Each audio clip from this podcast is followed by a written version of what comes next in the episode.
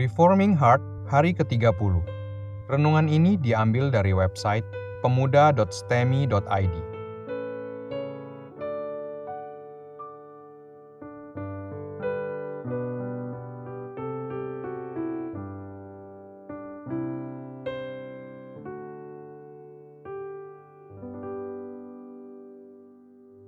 Tema renungan hari ini adalah kejahatan Saul membunuh imam Tuhan. Mari kita membaca Alkitab dari 1 Samuel pasal 22 ayat 6 sampai 23. Demikian bunyi firman Tuhan. Para imam di Nob dibunuh.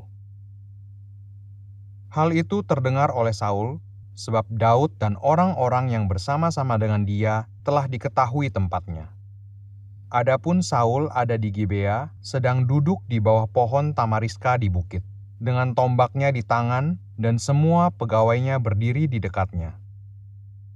Lalu berkatalah Saul kepada para pegawainya yang berdiri di dekatnya, Cobalah dengar, ya orang-orang Benyamin, apakah anak Isai itu juga akan memberikan kepada kamu sekalian ladang dan kebun anggur, Apakah ia akan mengangkat kamu sekalian menjadi kepala atas pasukan seribu dan atas pasukan seratus, sehingga kamu sekalian mengadakan persepakatan melawan aku, dan tidak ada seorang pun yang menyatakan kepadaku bahwa anakku mengikat diri dengan anak Isai itu? Tidak ada seorang pun dari kamu yang cemas karena aku, atau yang menyatakan kepadaku bahwa anakku telah menghasut pegawaiku melawan aku menjadi penghadang seperti sekarang ini. Lalu menjawablah Doeg orang Edom itu, yang berdiri dekat para pegawai Saul, katanya, telah kulihat bahwa anak Isai itu datang ke Nob, kepada Ahimelek bin Ahitub. Ia menanyakan Tuhan bagi Daud dan memberikan bekal kepadanya. Juga pedang Goliat orang Filistin itu diberikannya kepadanya. Lalu raja menyuruh memanggil Ahimelek bin Ahitub, imam itu, bersama-sama dengan seluruh keluarganya, para imam yang di Nob, dan datanglah sekaliannya menghadap raja. Kata Saul, cobalah dengar, ya anak Ahitub. Jawabnya, ya tuanku. Kemudian bertanyalah Saul kepadanya, mengapa kamu mengadakan persepakatan melawan aku, engkau dengan anak Isa itu, dengan memberikan roti dan pedang kepadanya?' menanyakan Allah baginya, sehingga ia bangkit melawan aku, menjadi penghadang seperti sekarang ini? Lalu Ahimelek menjawab raja, Tetapi siapakah di antara segala pegawaimu yang dapat dipercaya seperti Daud? Apalagi ia menantu raja dan kepala para pengawalmu dan dihormati dalam rumahmu? Bukan ini pertama kali aku menanyakan Allah bagi dia. Sekali-kali tidak Janganlah kiranya raja melontarkan tuduhan kepada hambamu ini, bahkan kepada seluruh keluargaku, sebab hambamu ini tidak tahu apa-apa tentang semuanya itu, baik tentang perkara kecil maupun perkara besar. Tetapi raja berkata, Engkau mesti dibunuh, Ahimelek, engkau dan seluruh keluargamu. Lalu raja memerintahkan kepada bentara yang berdiri di dekatnya, Majulah, dan bunuhlah para imam Tuhan itu, sebab mereka membantu Daud. Sebab walaupun mereka tahu bahwa ia melarikan diri, mereka tidak memberitahukan hal itu kepadaku. Tetapi para pegawai raja tidak mau mengangkat tangannya untuk memarang imam-imam Tuhan itu. Lalu berkatalah raja kepada Doeg, Majulah engkau dan paranglah para imam itu. Maka majulah Doeg, orang Edom itu, lalu memarang para imam itu. Ia membunuh pada hari itu 85 orang yang memakai baju efod dari kain lenan. Juga penduduk Nob, kota imam itu, dibunuh raja dengan mata pedang, laki-laki maupun perempuan, kanak-kanak maupun anak yang menyusu, pula lembu, keledai, dan domba dibunuhnya dengan mata pedang.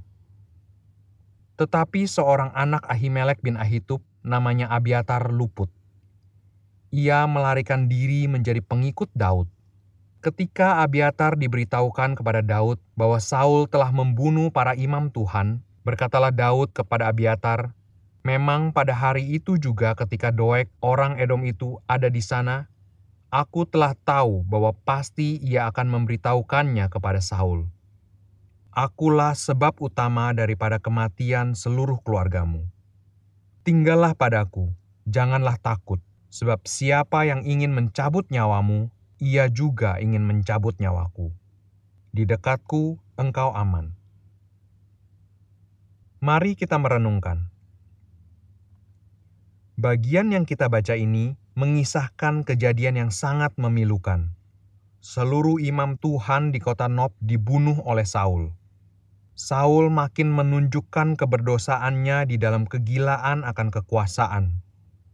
Bangsa-bangsa dunia ingin kuasa. Raja-raja dunia ingin kedaulatan mutlak dalam memerintah. Tetapi Alkitab mengatakan bahwa yang tertinggi harus menjadi yang terendah, yang terbesar harus menjadi pelayan. Alkitab mengatakan bahwa Tuhan Yesus adalah yang paling tinggi, melampaui kuasa mana pun di dunia, tetapi di tempat yang tertinggi itu jugalah Dia sedang melayani orang-orang percaya. Tetapi Alkitab membukakan kepada kita apa yang dapat terjadi kepada seseorang yang tidak mempunyai Tuhan di dalam hidupnya. Saul yang tadinya begitu pemalu dan tidak menginginkan kedudukan apa pun, sekarang berubah menjadi seorang ganas dan pembunuh kejam demi mempertahankan tahtanya.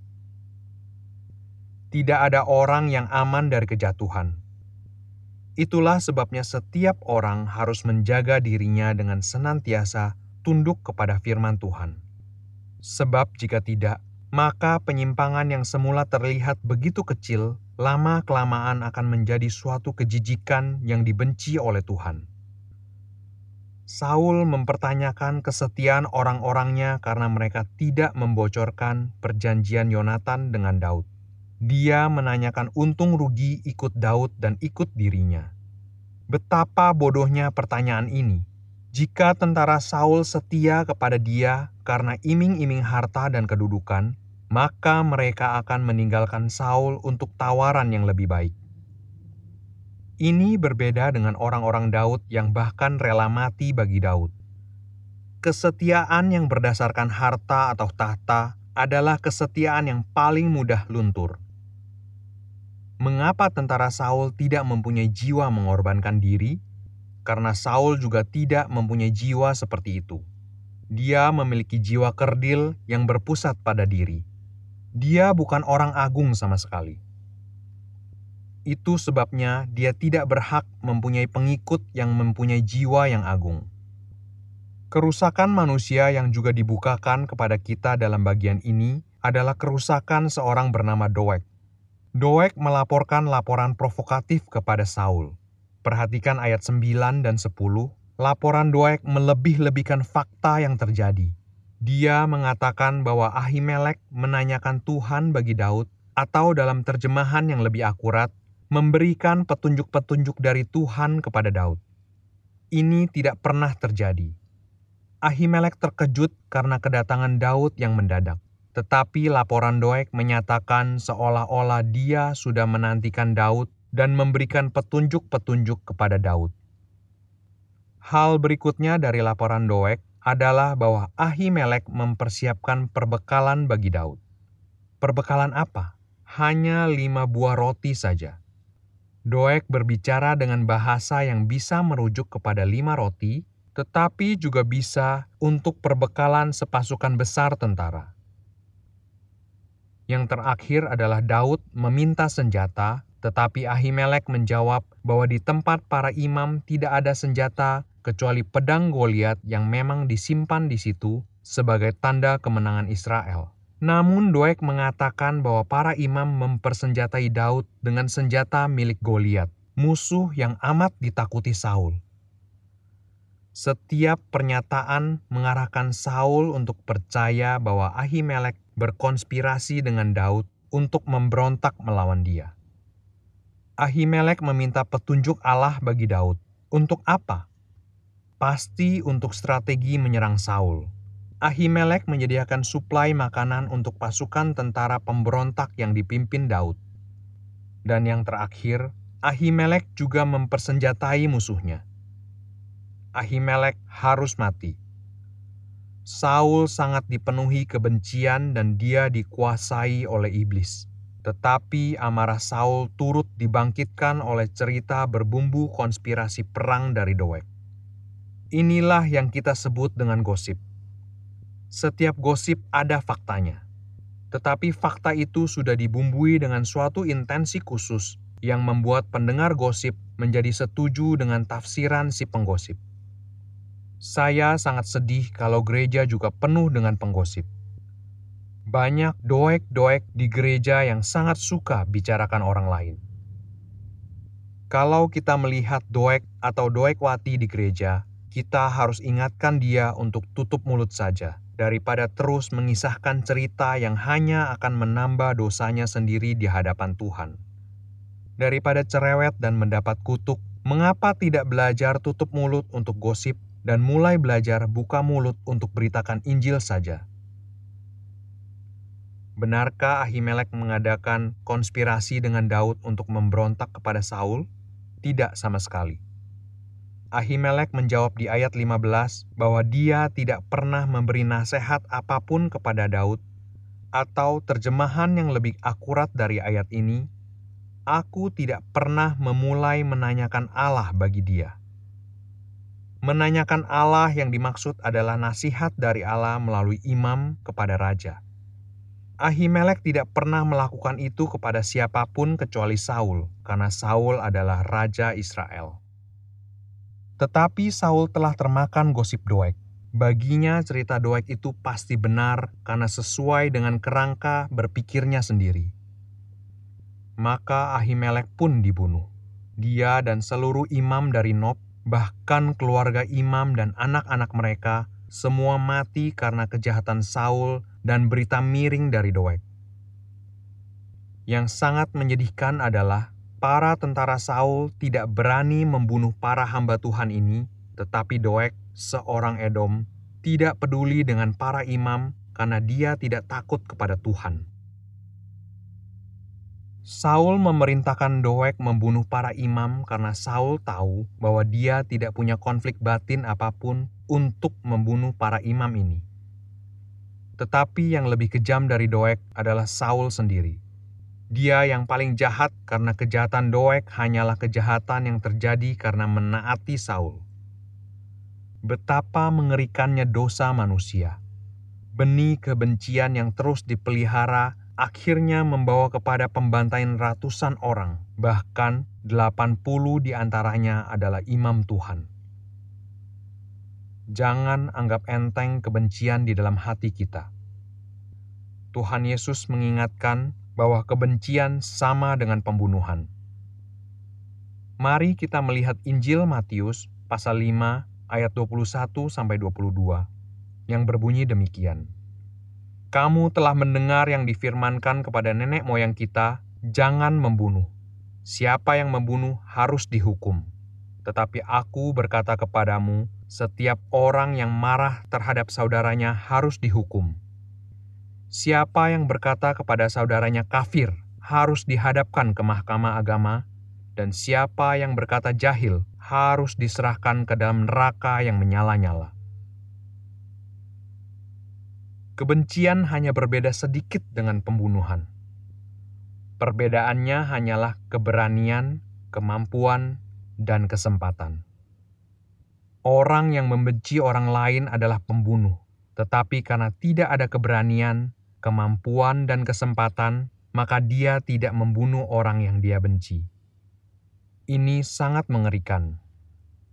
Saul gila tahta dan dia membenci orang yang mengancam tahtanya. Sekarang dia membenci siapa pun yang menolong orang yang mengancam tahtanya dan membunuh mereka. Saul membantai para hamba Tuhan beserta seluruh keluarga mereka. Istri-istri dan anak-anak mereka semua dibantai dengan pedang oleh Saul. Alkitab menyatakan kepada kita kekejaman dunia ini, tetapi Alkitab juga menyatakan bahwa kekejaman yang terlihat adalah buah dari dosa yang tidak terlihat. Perbuatan dosa yang bisa disaksikan oleh manusia berasal dari benih dosa dalam hati yang tidak terlihat oleh siapa pun kecuali Allah. Kisah kita hari ini juga menyatakan bahwa ada seorang anak imam yang terluput. Abiatar anak Ahimelek, dialah yang terluput dari pembantaian ini. Dia lari dan meminta perlindungan Daud. Daud berjanji akan melindungi dia karena baik Daud maupun Abiatar, keduanya mempunyai musuh yang sama, yaitu Saul, yang ingin mencabut nyawa mereka berdua. Kita sudah melihat kejahatan demi kejahatan yang dilakukan manusia di bumi ini. Alkitab tidak pernah menyembunyikan apa pun dari kerusakan manusia. Alkitab menyatakan fakta dosa dengan sejujur-jujurnya. Itulah sebabnya kita harus belajar untuk mempunyai penguasaan diri dan buah roh yang membuat kita menjadi penuh kasih, lemah lembut, dan kemampuan untuk mengampuni. Tanpa kekuatan dari Roh Kudus, kita hanya akan menunggu waktu keperdosaan kita mengalir keluar dengan mengerikan. Pembunuhan, kebencian, perang, pembantaian, semua menjadi bagian kehidupan manusia yang sudah jatuh di dalam dosa. Tetapi ingatlah dan kuatkan hati dengan firman Tuhan yang mengatakan bahwa keselamatan dari Tuhan membawa perubahan total Itulah pengharapan sejati kita di dalam Tuhan.